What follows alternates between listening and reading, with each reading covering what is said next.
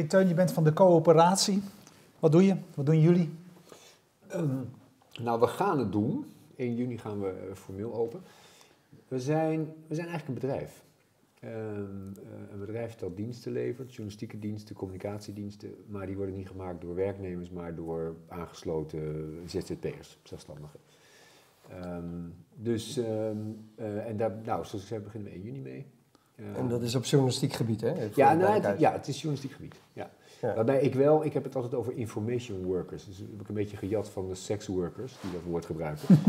maar, maar de journalist is natuurlijk uh, ik denk dat, dat, dat we leven in een informatiesamenleving en het maken van, van informatie is breder dan alleen journalistiek. Oké, maar als dus gesproken wordt in de media over een journalistencollectief, dan ja. klopt dat niet. Ja, klopt wel natuurlijk. Dat Want is, dat is informatiewerkers zijn ook alle PR en marketing. Ja, uh, dat, dat, dat is weer... Um, maar zijn die bij jullie ook aan het goede adres? Even nou, de... nee, nee dit is primair gaat het wel over de journalistiek. Alleen ik geloof dat, dat, dat de traditionele... De, de, de traditionele werkveld van een journalist is natuurlijk, uh, die weet ergens iets van en die draagt dat aan ons over in een, een film of in een artikel. En ik geloof dat, die, dat een journalist, zeker als hij gespecialiseerd is, en daar komen we nog wel op terug misschien, um, dat hij dat die meerdere vormen van overdracht kan kiezen. Dus, dus hij kan een stuk schrijven, maar hij kan ook consultant zijn. Hij kan een, een, een, een congres leiden of daar spreken.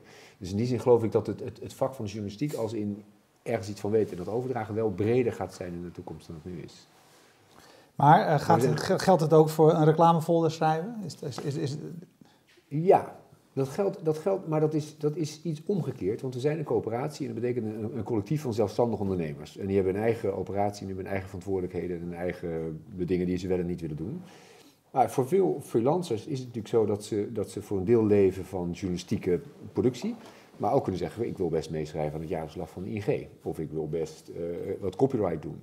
Het is natuurlijk wat diffuser uh, geworden. En ik weet dat er binnen de journalistiek wel discussie over is. Maar het is niet aan mij om daar een mening over te hebben. uiteindelijk is de coöperatie, de leden bepalen het Die bepalen het natuurlijk. Ja. Het, is, het is wel aan mij om, om mee te denken en mee te helpen over hoe je, hoe je de, de, de inkomsten van een, van een freelance journalist kan verstevigen en verbreden. Was dat het startpunt waar, waarom je het bent gaan doen? Ja, ja, het, het, het, startpunt is, is, nog wel iets groter. Maar kijk, de, de, dat, dat, zien we in heel veel sectoren, maar zeker in de journalistiek, een verschuiving van, van institutionele vaste redacties. Hè, die vroeger bij de Volkskrant zitten ze en die schrijven voor de Volkskrant. En de verschuiving is naar een nieuwe groep van freelancers. Steeds kleinere uh, kernredacties ja. hebben de tijdschrift ook ja. allemaal. Hè? Daar werken maar een paar mensen nog vast en de rest Nieuwe revue had vroeger geloof 80 mensen en nu 8. Dat hoorde ik vanmiddag, zoiets. Maar, um, dus dus dat betekent dat in de toekomst een steeds groter deel van de journalistieke productie in, door freelancers zal gebeuren. Dus we moeten met elkaar nadenken over hoe we ervoor zorgen dat dat, dat ecosysteem van freelancers vitaal en duurzaam is. is ja, maar wat, wat, wat zou maken dat freelancers, het woord zegt het al, die de, voor de vrijheid kiezen en dat niet uh, prima zelf kunnen? Waar hebben ze de coöperatie voor nodig? Nou, um, eigenlijk, we hebben vorig jaar een heel groot onderzoek gedaan naar, naar die verschuiving. En dan zie je dat vroeger werkte een journalist voor een uitgeverij en die had een uitgever. Ik ben een uitgever, ik ben geen journalist. Ik was vroeger de uitgever van de Groene Amsterdammer. En ik had eigenlijk twee verantwoordelijkheden. Eén om ervoor te zorgen dat er geld verdiend werd. Dat is niet de verantwoordelijkheid van de journalist, maar van mij. En dat is ook mijn vak. En de andere is ervoor te zorgen dat er een infrastructuur is waarmee die journalist kan werken. Dus ik moest ervoor zorgen dat er computertjes waren, een goede koffie, dat iedereen goed optimaal zijn werk kan doen. 95% van zijn tijd bezig is met journalistiek en niet met allerlei andere dingen. Dus en dat ontbreekt natuurlijk bij de freelancer. Die moet A zijn eigen inkomsten gaan zitten zoeken. Nou, dat is een heel gedoe. Dat is ook een vak weer op zich. Je hebt misschien best een aantal relaties bij een paar bladen, maar om jezelf als spreker weg te zetten is weer een heel ander vak. En hij heeft natuurlijk, of zij, heeft geen infrastructuur meer. Als je, Outlook vastloopt, dan moet je je neefje bellen.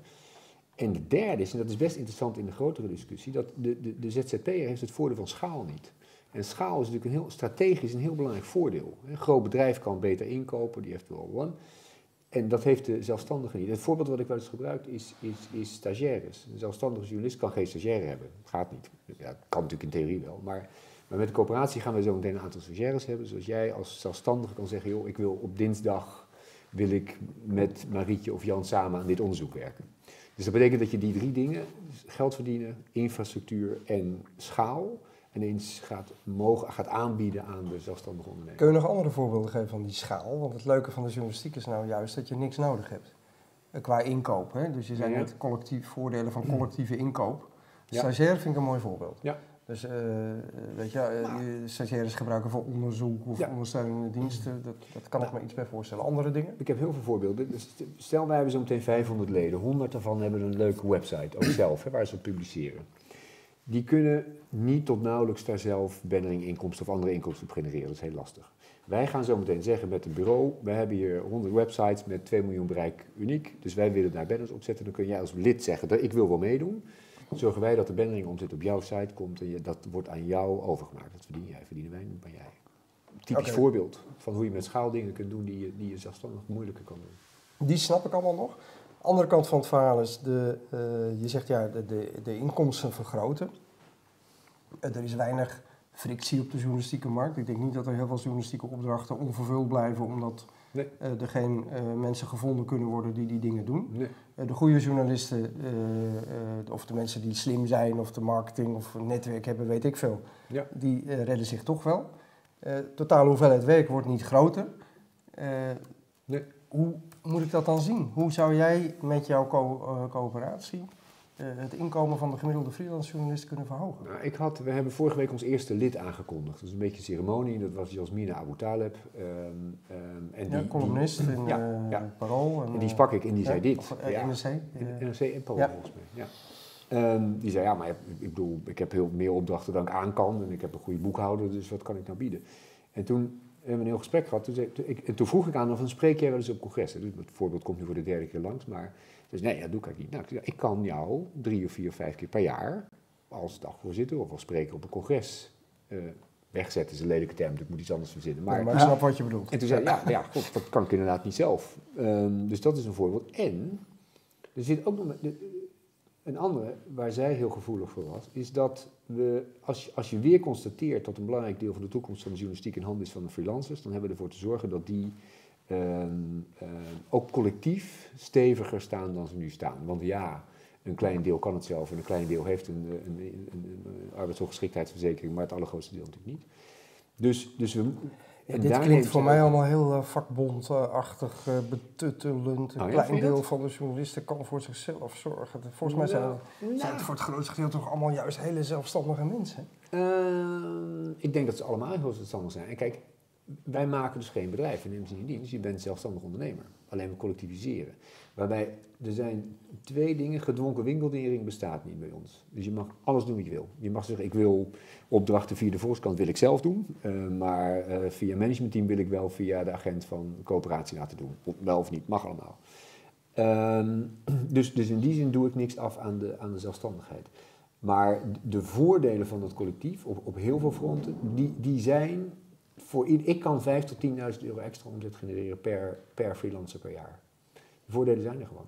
Maar waar, eh, nogmaals, eh, dat moet dan allemaal uit spreekbeurten komen. Want de journalistiek op zichzelf wordt alleen maar het geld wat daarin omgaat, wordt niet groter. Nee, maar ik denk, nou, oké, dan heb ik nog twee andere dingen. Eén is dat, ik, dat, dat je dus de inkomstenbronnen kunt verbreden, hè, van alleen stukjes schrijven naar ook uh, consultant zijn. Dat geloof ik echt serieus. Een, een, een, journalist weet iets wat iemand anders niet weet. En dat kun je overdragen in een artikel of als consultant. Dus het verbreden van de inkomstenbronnen. Als je dat goed doet, dan staat er nog iets anders, dat je als journalist kan kunt specialiseren. Ik gebruik vaak het voorbeeld van iemand die zich specialiseert op 18e eeuwse Japanse mode, hoe zij staat. Dat kun je nu als ZZP heel moeilijk doen. Je moet gewoon, ja, dan weer een stukje over voetbal, dan weer over schapen en dan weer over Syrië schrijven. Terwijl als je specialiseert, dan word je dus echt een onontkoombare expert op jouw vakgebied, waarmee je veel breder, breder kan inzetten. Um, uh, dus ook daar geloof ik dat je, dat je dan tactisch een enorm voordeel hebt als ZZP'er. Zouden jullie met, met die groep, die, groei, of die, die toekomstige grote groep, uh, naast het richten op uh, de, de, de, de, partijen die er al zijn en waar steeds minder geld uh, is of lijkt te zijn, um, is het ook denkbaar dat jullie met die groep zelf nieuwe initiatieven nou, gaan doen? Dat was, ik was even vergeten wat ik ook nog wilde zeggen, maar dankjewel voor de herinneringen. um, er bestaat iets dat heet Reporters Online. Ik weet niet of jullie het kennen. Ja.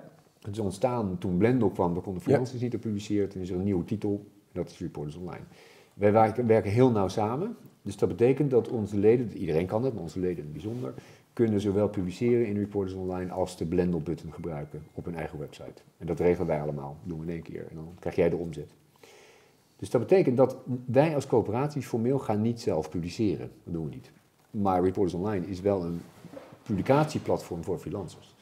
Ehm, en is dat spannend? Ja, omdat A, daarmee de freelancers hun eigen content gaat exporteren. Het is dus niet meer een journalist in dienst van een uitgever die die content exporteert en die expertise exporteert, maar het is de journalist zelf. Dat is een wezenlijke omkering. En Jeroen Smit zei geloof ik gisteren in, in De Wereld Draait Door, dat naar aanleiding van die uh, Panama Papers, dat je eigenlijk grote redacties nodig hebt. Je hebt grote redacties nodig om dit soort zware onderzoeken te kunnen doen.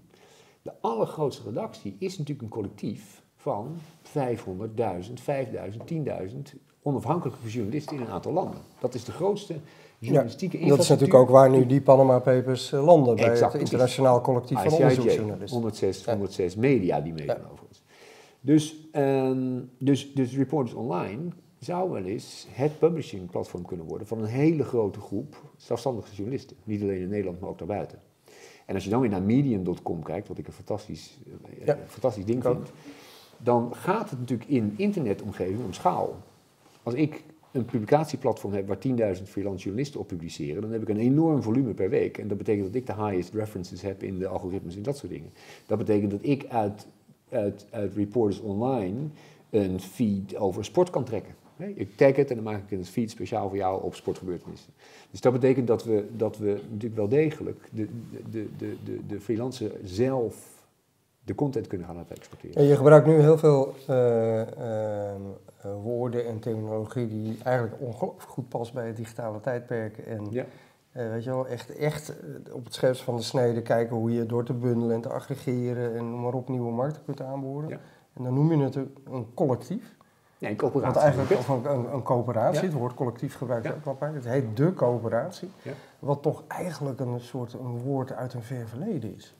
Waarom heb je daarvoor gekozen? Waarom noem heb je het niet genoemd Reporters Online of uh, nou, iets ja, dergelijks? Nou, eerlijk gezegd, omdat, omdat we worden een bedrijf, dus daar moet je een, een, een, een, een rechtspersoonlijke vorm voor kiezen. Kan een NV of een BV ja. of een... En ja, eigenlijk is de coöperatie is de enige vorm die, die recht doet aan wat we aan het doen zijn. Dus dat is één. En toen dacht ik, ja, dan is het ook wel leuk om meteen dan de coöperatie met een hoofdletter te noemen. Uh, maar het, het, het mooie is, en ik, weet je, we, we, kijken bij, bij transitie en innovatie altijd vooruit, maar het is waanzinnig interessant om juist, juist terug te kijken naar, naar, naar systemen die het fantastisch hebben gedaan. De coöperatie heeft het geweldig gedaan in het verleden. En dan kun je zeggen, nou, hoe zit het dan aan elkaar en hoe zou dat nou nu uh, opnieuw kunnen worden ingericht? Dat bleek lastig Um, omdat de coöperatie traditioneel rechtspersoonlijk een, een, faciliterende coöperatie is of een verkoopcoöperatie. Wij zijn het gebundeld.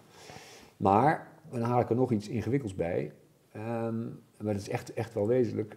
Uh, ik heb een tijdje geleden gezegd, Marx komt terug. Marx heeft een discussie gevoerd, 150 jaar geleden, die natuurlijk eigenlijk ging over de relatie tussen kapitaal en arbeid. Daar ging die over. In uh, het industriële kapitaalsintensieve tijdperk gaat de winst uit de onderneming naar de kapitaalverschaffer. Zo, zo werkt het. Hè? Dus ik investeer in een bedrijf en dan krijg ik de winst. Ik huur mensen of ik ze niet, neem ze aan ik krijg de winsten. In het kennistijdperk gaat de winst uit de onderneming naar de arbeidsverschaffer. Dus de winst uit onze onderneming gaat naar degene die de arbeid levert. Dus daarom heb ik geen investeerders, ik, ik heb zelf geen aandelen. En het voorbeeld gebruik ik ook wat vaker, maar NRC Handelsblad was in handen van Egeria. En dat is een investment company. Dus het maakt niet uit. Aardappels morgen is ook goed als het maar zoveel procent rendement oplevert. Van de 120 miljoen omzet ging er 10 miljoen per jaar naar de financier. Die natuurlijk geen waarde toevoegt. Ik bedoel, hij heeft, hij heeft de machines niet, hij voegt niks toe. Dat gaat dus niet naar onderzoeksjournalistiek, niet naar jonge mensen, niet naar innovatie, maar naar het tweede jacht van iemand in Amerika. Nou, mijn stelling is, dat kan de journalistiek zich niet meer permitteren. Sterker nog, daar is de journalistiek kapot gegaan. Hè, met Apex en, en noem ze allemaal maar op. Um, dus, dus mijn stelling is, we moeten de winst uit journalistiek, die moet naar de maker en niet meer naar de, naar de eigenaar. Ja, zo far zo goed. En wat zeg je dan tegen de mensen die zeggen van ja, dan is er die krimpende markt en daar komt dan een nieuwe... Nee, daar, daar, daar, komt dan een nieuwe uh, tussenlaag in, die ook weer geld gaat afromen van die uh, freelancers. Want ik neem aan dat mensen bij jou een bijdrage moeten betalen om lid te worden van de ja, coöperatie. maar die verdienen ze wel terug. Ja, en vanuitgaande dat er meer geld komt, maar er komt niet meer geld. Nee, kijk, de, de veronderstelling die je maakt is dat de markt voor informatie krimpt. Dat is niet waar. We leven in een informatietijdperk. We hebben nog nooit zoveel hoog, hoogopgeleide mensen gehad. Informatie is een van de belangrijkste en daarmee meest waardevolle producten van onze tijd. Wat er mis is gegaan, en het is niet een crisis van de journalistiek, maar van de uitgeverij. Het is een traditioneel uitgeverijproduct met een traditionele infrastructuur, zoals we dat deden. En die zijn niet in staat geweest om de beweging mee te maken. Dus de, de, de markt voor hoogwaardige, hoogkwalitatieve, goede content is nog nooit zo goed geweest. Alleen is er geen verdienmodel. Alleen is het oude verdienmodel, dat werkt niet meer. Nee, het nieuwe is er. Wat is het nieuwe? Het nieuwe, nou, het, het nieuwe is A, diverser. Het is een hybride vorm. Ik heb dat onderzoek waar ik net aan refereerde, stelt dat we gaan van de traditionele advertising en subscription, die zijn allebei dood, subscription ook, idioot model, daar kom ik zo meteen op terug, eigenlijk heel raar. Maar Je de correspondent een, idioot model. nou, kom, ja, is iets, iets anders, maar ehm kom ik zo meteen op terug. Ja. Dus het, het migreert van die twee naar een heel hybride manier van geld verdienen. De correspondent verdient zijn geld met ehm, abonnementen of lidmaatschap, met sprekers, met hun eigen boeken die ze uitgeven, hun technologie resellen ze, ze hebben evenementen en dat soort dingen. Dus, dus het, het traditionele model is dood, maar er is een nieuw model waar heel veel geld te verdienen is. Veel meer dan we nu doen. En dus, dus niet alleen maar in de journalistiek of informatiemarkt, maar ook daarbuiten. Geloof ik. Eh, Geloof ik overigens ook. Ik denk al dat de, de journalistiek, en dat zijn mensen die gewend zijn te werken voor de klassieke titels, alleen eh, veel te weinig naar die andere kant te kijken. Absoluut. Eh, en, en dat lijkt mij in jouw geval ook nog best het lastige, want we zitten nu nog steeds in de fase dat het, kijk, het hoogst bereikbare is voorlopig nog op televisie eh, verschijnen. Als je schrijft eh, wil je toch het liefst in de NRC Handelsblad of, eh, of de Volkskrant of, of noem maar op. En als je radio maakt, wil je Radio 1 of Business News Radio. Zie je, voor, ja, ik, ik, de- Ja. De, de echte grote namen in de journalistiek zie ik nog niet zelfstandig opereren buiten, buiten de reguliere media. Zie jij, dat, of zie jij, zie jij wel een trend gaande dat dat, dat, dat aan het veranderen is? Nou ja, ja, een enorme trend. Eh, Ik was vorige week bij de uitreiking van de Tegel, dus de, de belangrijke journalistieke prijs. Dat waren allemaal de omroepen en de kranten. De correspondent heeft een prijs gewonnen voor het beste camerawerk. Interessant trouwens. Vice was er niet bij. En al die andere platforms waren er ook niet bij. Dus, dus terwijl die er wel zijn. En ehm, dus, dus ik denk, Joris Luidijk is natuurlijk een heel belangrijk voorbeeld. Die kan echt op, op zijn eigen kracht een eigen merk zijn. Ehm, maar die, die, die rollen van die grote titels, die, die nemen echt af. Hè, Het, het, het Rob Wemmer geeft natuurlijk, de essentie van de correspondent was, de auteur moet het merk worden. Dus niet meer de NRC, maar de auteur. En ik geloof dat ook, dat dat een verschuiving is. Ja, nou, even naar die. ehm, je, je zei net iets interessants. Je zei dat je er zelf op terug zou komen, maar ik ga je er toch maar even naar vragen. Eh, je zei uh, de advertising model is dood. Dat ben ik Ja. het met je eens. Dat werkt gewoon niet meer. Maar het sub- subscription model ook. Terwijl volgens mij is dat iets waarvan velen nog alle heil en zegen verwachten. En bijvoorbeeld ook de correspondent helemaal Ja. op gebaseerd is. Het medium overigens ook. Wat- wat- Eh, wat- kondigt, medium van- ook. kondigt vandaag namelijk zijn waar, baseer je dit op? Nou, laat ik het iets anders zeggen. Ehm, we verschuiven van twee inkomstenbronnen naar 52. Ik heb een lijst van 52 manieren om geld te verdienen met journalistiek toe bedacht. Ja. Natuurlijk onzin, maar het gaat even om het Ja. idee van verbreding. Eén daarvan is absoluut subscriptions. Top, dus het hoort erbij enzovoort. Alleen als je naar de traditionele dagbladen kijkt, dat was eigenlijk je buurtsupermarkt. Dat was in de tijd dat je, nou je had eh, één krant, twee kranten en Nederland één en twee, dat was het een beetje als nieuwsvoorziening. Dus die zei eigenlijk, kom nou bij ons, dan kun je alles krijgen. We hebben sport en economie we hebben alles voor je. Maar daar betaal je dan, eh, nou wat is het nu, 300, 400 euro voor en dan geven wij jou alle informatie. Dat is een rare veronderstelling, want ik betrek 15% van mijn informatie uit de Volkskrant en de rest niet. In de Volkskrant staan allemaal stukken, die lees ik niet eens. Sport sla ik integraal over. Dus het idee van die buurtsuper, die zegt koop bij ons de spruitjes en, en ook je tandenborstel, en ook, dat is over. Dus dat betekent dat die, dat die en daar heb ik heel lang geleden toen bij Elsevier gewerkt, werkte, nog eens een discussie over beleggersbelangen gehad. En toen zei ze, dat was een uitgave toen van Elsevier, beleggersbelangen moet, het, moet de portal worden voor beleggen. Ik nee, de portal voor beleggen wordt Google. En dan is er in die grote nieuwe supermarkt een schap beleggingsinformatie. Daar ga ik heen, want ik wil iets weten over, over KLM. En, en nou, dan pak ik bij beleggersbelangen en niet bij eh, Piet de Boer. eh, hè. dus, dus dan krijg je eigenlijk een merkendiscussie in het grotere schap. De huidige kranten zijn nog steeds, hebben nog steeds het model van de buurtsuper. En waar, waar dat, dat eh, subscription denken achter zit. Dus ja, maar goed, het is een heel verhaal, maar de kranten is niet hetzelfde als subscription. Eh, Nou ja. de cor- nogmaals, de correspondent is ook Ja. subscription. Laat ik, laat ik dan anders zeggen, want, want nogmaals, ik geloof in subscriptions, maar, maar niet meer in dat traditionele model van de krant. En ik geloof dat dat ook veel harder in elkaar gaat storten dan we denken. Wat ik wel geloof, is dat je bijvoorbeeld bij de correspondent, maar de vraag is wat de correspondent is.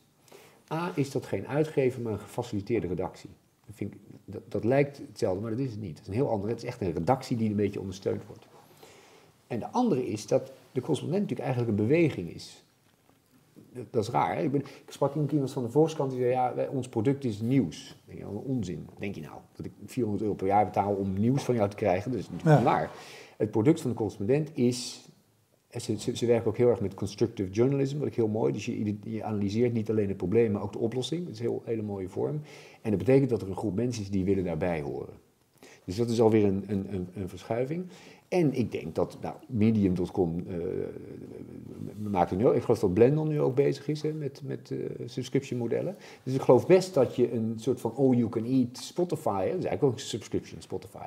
Die modellen zullen wel blijven bestaan, maar waarvan ik geloof dat het einde is, is, is die krant die zegt voor 400 euro zorgen wij dat je alles weet wat je moet weten. Ja, maar eh, dan bedoel je volgens mij wat anders. Dan zeg je eigenlijk van eh, mensen willen best betalen voor informatie die helemaal toegesneden is op de, hun eh, diepe interesses. Dus Ja. de kracht van de niche. Ja. Eh, daar zit de waarde, daar Ja. willen mensen voor betalen. Je gelooft alleen niet meer in een eh, abonnement op een heel generalistisch iets zoals Nee. een dagblad nog steeds is. Waarvan ik ook drie kwart niet lees. Maar ja, je bent, blijkbaar vind je het fijn als die 's ochtends op de mat ligt. eh. Ja. Nou, en dan is er nog een andere, en dat is, het gaat weer even over die specialisatie. Ik, ik sprak een keer met een hoofdredacteur van een hele grote krant. Die zei, ja, het is heel mooi, bij ons roleren mensen. Dus je zit drie jaar op de kunstredactie, en dan zit je drie jaar op de economieredactie.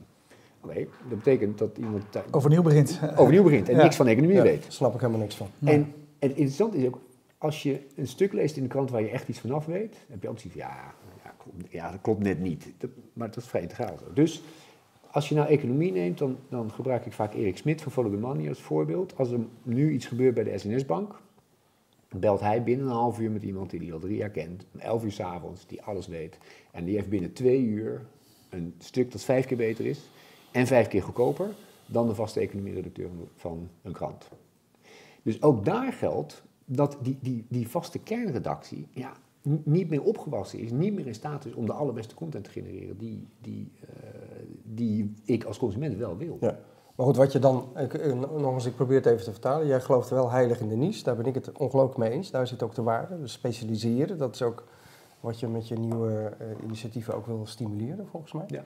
Eh, en subscription zie je meer in relatie tot de niche dan in relatie tot Ja. het eh, eh, generalistische product. Ja, dan snap ik Ja, het. precies. Ik denk, Ja. je- je- dank je, dat is een goede ja, reflectie. Goed samengevat, Dank je. Stekel. Ja. Ja, nee, want ik geloof namelijk zelf heel erg in de waarde eh, van niche-producten. En ik geloof dat mensen daar gewoon voor willen betalen. Ja. En dat het wel eens de belangrijkste Ja. bron van inkomsten zou kunnen zijn. Zeker. Maar dat veronderstelt specialiseren, dat veronderstelt eh, goede distributie en, en marketing. Maar dat, dat, dat, dat pleit juist heel erg voor dat mensen zich specialiseren. Ja, absoluut. Ja. En wat jij zei, eh, wat je natuurlijk inderdaad ziet bij alle, eh, alle eigenlijk zou je kunnen zeggen, de nieuwe eh, mediatitels van de afgelopen jaar, die hebben allemaal die combinatie van, van businessmodellen. hè. Dat is, eh, als je kijkt naar Nederland, naar, eh, naar de Next Web bijvoorbeeld, dan is bijvoorbeeld het events is een, is een belangrijk onderdeel van waar ze hun geld mee verdienen. Kijk je naar Wired, dan zie je daar ook dat ze consultancy, dat, consultancy doen, dat ze events hebben, dat ze bedrijven eh, inspireren en bijpraten Ja. over ontwikkelingen. Allemaal bijproducten of, Ja. of, of een combinatie van hoofdproducten zou je kunnen zeggen van, Ja. van hun deskundigheid. Nou, en dan wat ik een heel mooi voorbeeld vind, is die Elliot Higgins van Bellingcat. Hè, die, die, die, de- ja, geweldig wat hij doet, journalistiek. Het is natuurlijk eigenlijk vanuit de technologie ontstaan. Hè. Wat kunnen we nou doen met technologie om bepaalde informatie boven te halen? En die verdient een groot deel van zijn geld met consulting. Ja. En dan Ja, kan die eh, journalistieke producten maken. Wat ik me wel een beetje, maar dat is wat persoonlijker, begin af te vragen. Want je bent eigenlijk eh, nog niet zo heel lang weg bij De Groene, daar was je uitgever. twee jaar, best lang. Nou ja, op een mensenleven is niet zo lang. Als dit nou jouw passie is, wat heb je dan al die tijd bij De Groene gedaan? Nou, ehm, Wat deed je daar dan eigenlijk? Nou, ik deed daar twee. Ik vind het een fantastisch blad hoor, ik lees het Ja, graag, ja. maar het is wel het oude Ik model. zeggen, ik heb daar Namelijk ik- abonnement voor Ja, eh, van alle, zeker, alle zeker, eh, zeker. artikelen, een mooie Zeker. van alles en nog wat. Ja. Kunst, cultuur, eh, essays, architectuur. Ja, ik, ik, ik deed daar twee dingen. A, wilde ik graag in ieder geval voor mezelf laten zien dat, dat, dat, dat, dat hoogwaardige eh, content exportabel is. Hoogwaardige onafhankelijke journalistiek is exportabel. En dat hebben we laten zien met De Groene. Het is eigenlijk het enige weekblad wat het gewoon nog verschrikkelijk goed doet. De rest heeft hele grote problemen. Ehm, en, dus dat, en dat vind ik een belangrijke bevinding, dat, dat je dat aan kan tonen. En de andere is dat, dat de Groene Amsterdammer een heel belangrijke rol speelt in de, in de, in de, in de voorhoede van het maatschappelijk debat. Zeg maar even. Dus mijn stelling is, als, als, als, als, als de Groene zijn rol goed vervult als bron van dat debat, wat ik natuurlijk niet deed, dat deed als Sut als hoofdredacteur, maar dan, dan, dan hebben wij een breder en vitaler en beter debat. Dus daarom vond ik de Groene en vind ik de Groene nog steeds ontzettend belangrijk. Ehm, en voor de Groene is deze vorm de beste. Want het is boeiend, we hadden op een gegeven moment 1600 geloof ik eh, digitale abonnees. En de grote beweging was dat een digitale abonnee op een gegeven moment zei, joh, weet je, ja, ik doe maar toch maar weer dat blad. Want ja, fysiek, want dat leest toch lekkerder en zo. Ja. Nou, doen we dat toch. Mhm. en, en daarmee is die kanalendiscussie eigenlijk niet relevant. Het gaat natuurlijk om de, de content en daarmee de waarde die jij levert. En daar kan je kanaal extra waarde aan toevoegen. Want online kan je ineens reageren en kan je hartstikke leuk. Maar uiteindelijk gaat het over de, de, de, de, de onontkoombaarheid van de content die je maakt. Dus de groene kun je ook per postduif bezorgen. Ik hoop dat mensen nog. Je zei, ik, heb daarmee eh, een van de dingen die voor mij belangrijk waren, dat ik hem heb laten zien, dat verhoogwaardige kwaliteit, eh, dat, dat, je, dat, je, dat je daar gewoon ook nog je goede business op kan, kan, kan drijven. Je zei, de andere tijdschriften eh, lukt, lukt dat niet, of lukt dat op dit moment niet. Kijk eens naar Vrij Nederlands, toch een roemruchte titel, hele belangrijke rol gespeeld de, de afgelopen, afgelopen decennia. Ehm, wat, wat zou zo'n titel dan nu, nu moeten ondernemen om zeg maar weer wat terug te winnen van zijn, eh, van zijn belang? Wat ik, ik, ik maak altijd een heel groot onderscheid tussen product en propositie. Dat is een interessant concept. Het product van Nokia is een telefoon, maar dat wil je helemaal niet. Het gaat kapot, wordt gejat. Maar de propositie is connecting people. Dus, dus Nokia helpt mij te verbonden te zijn met degenen die voor mij belangrijk zijn. Dus wat uitgevers... Marketing gelul. Niet, nee, helemaal niet waar. Echt niet waar. Nee, niet waar. Want Je kan op duizend andere manieren connecting. Nee, maar people. daar gaat het niet om. Ja. Maar, maar, maar, maar, maar Nokia Ja. helpt jou, of Apple in dit geval, Ja. helpt jou om verbonden te zijn. Dat is de werkelijke waarde. Ik werkte ooit bij het Concertgebouw. Toen zei ik, het product wat we hebben is een heel mooi concert in een hele mooie zaal. Dat is 34 euro waard, dat is de gemiddelde kaartprijs. Onze propositie is, wij verrijken de levens van mensen middels muziek. Dat is wat we doen. Tweede ding, A, is dat veel meer waard, een als je de levensverrijkende ervaring. En dan kun je zeggen, maar wacht even, als dat is wat we doen, dan kunnen we ook concertreizen naar Sint-Petersburg gaan organiseren. We kunnen een academie oprichten, we kunnen, hè, dus, dus, dus dan ga je diversificeren. En wat ik denk dat, die, dat, die, dat, eh, dat, dat Elsevier en VN verkeerd niet goed hebben gedaan, is niet goed hebben nagedacht over de propositie. De werkelijke waarde die ze toevoegen voor. Zij maken een blad. Ja, een blad is een stapel papier met een nietje erin. Het heeft helemaal geen waarde. En, en dus je moet veel beter nadenken over wat je nou echt onontkoombaar Waartoe ben levert. jij op Ja, aarde? waartoe ben je op aarde? Even terug naar de coöperatie. Eh, je, je, eh, officieel zei je gaan we in juni van start. Het is eh, de afgelopen week aangekondigd dat het er, dat er aan zit te komen. Op de site kun je aanmelden. Heb je aangemeld, Stekel? Nee. Ik wel. Ehm, Goed eh, van je. ja, ik Goed Dan eh, moet je een beetje te hoogte eh, zijn. En meestal doe ik de participerende eh, onderzoek, Ja, maar, maar jij, jij in dit doet, geval... jij doet ik neem het Bloemon eh, abonnement. ja, ja, Eh, ja, ga ik doen. Nee, is ja, oké. Ik werd er nou op Twitter van beschuldigd dat ik er blijk van gaf dat ik niet erg ervaren was met bloemen. Met bloemen, dus daar- dat kan je- kan je- thuis. Dus- oplossen. Ja. Ehm, wat, hoe zijn de reacties eh, geweest de afgelopen week? Ehm, nou, we hebben meer dan 800 geïnteresseerden nu die zich hebben aangemeld. Dat vind ik veel. Veel meer dan ik dacht. Ehm, er, zijn, er zijn twee... nou, op het moment dat mensen het doorkrijgen... Je, ziet, je begrijpt het pas als je het ziet, geloof ik. Dan, dan zijn mensen heel erg enthousiast. Ik heb, ik heb wat jonge journalisten een keer uit de internationaal uitgelegd. Die, en die ja, het is, het geweldig als we op deze manier ondersteund kunnen worden... en ons werk beter kunnen doen. Maar het boeiende aan zo'n nieuw model en zo'n transitie... is dat het, het, het, het wordt bekeken vanuit het oude model, de oude semantiek.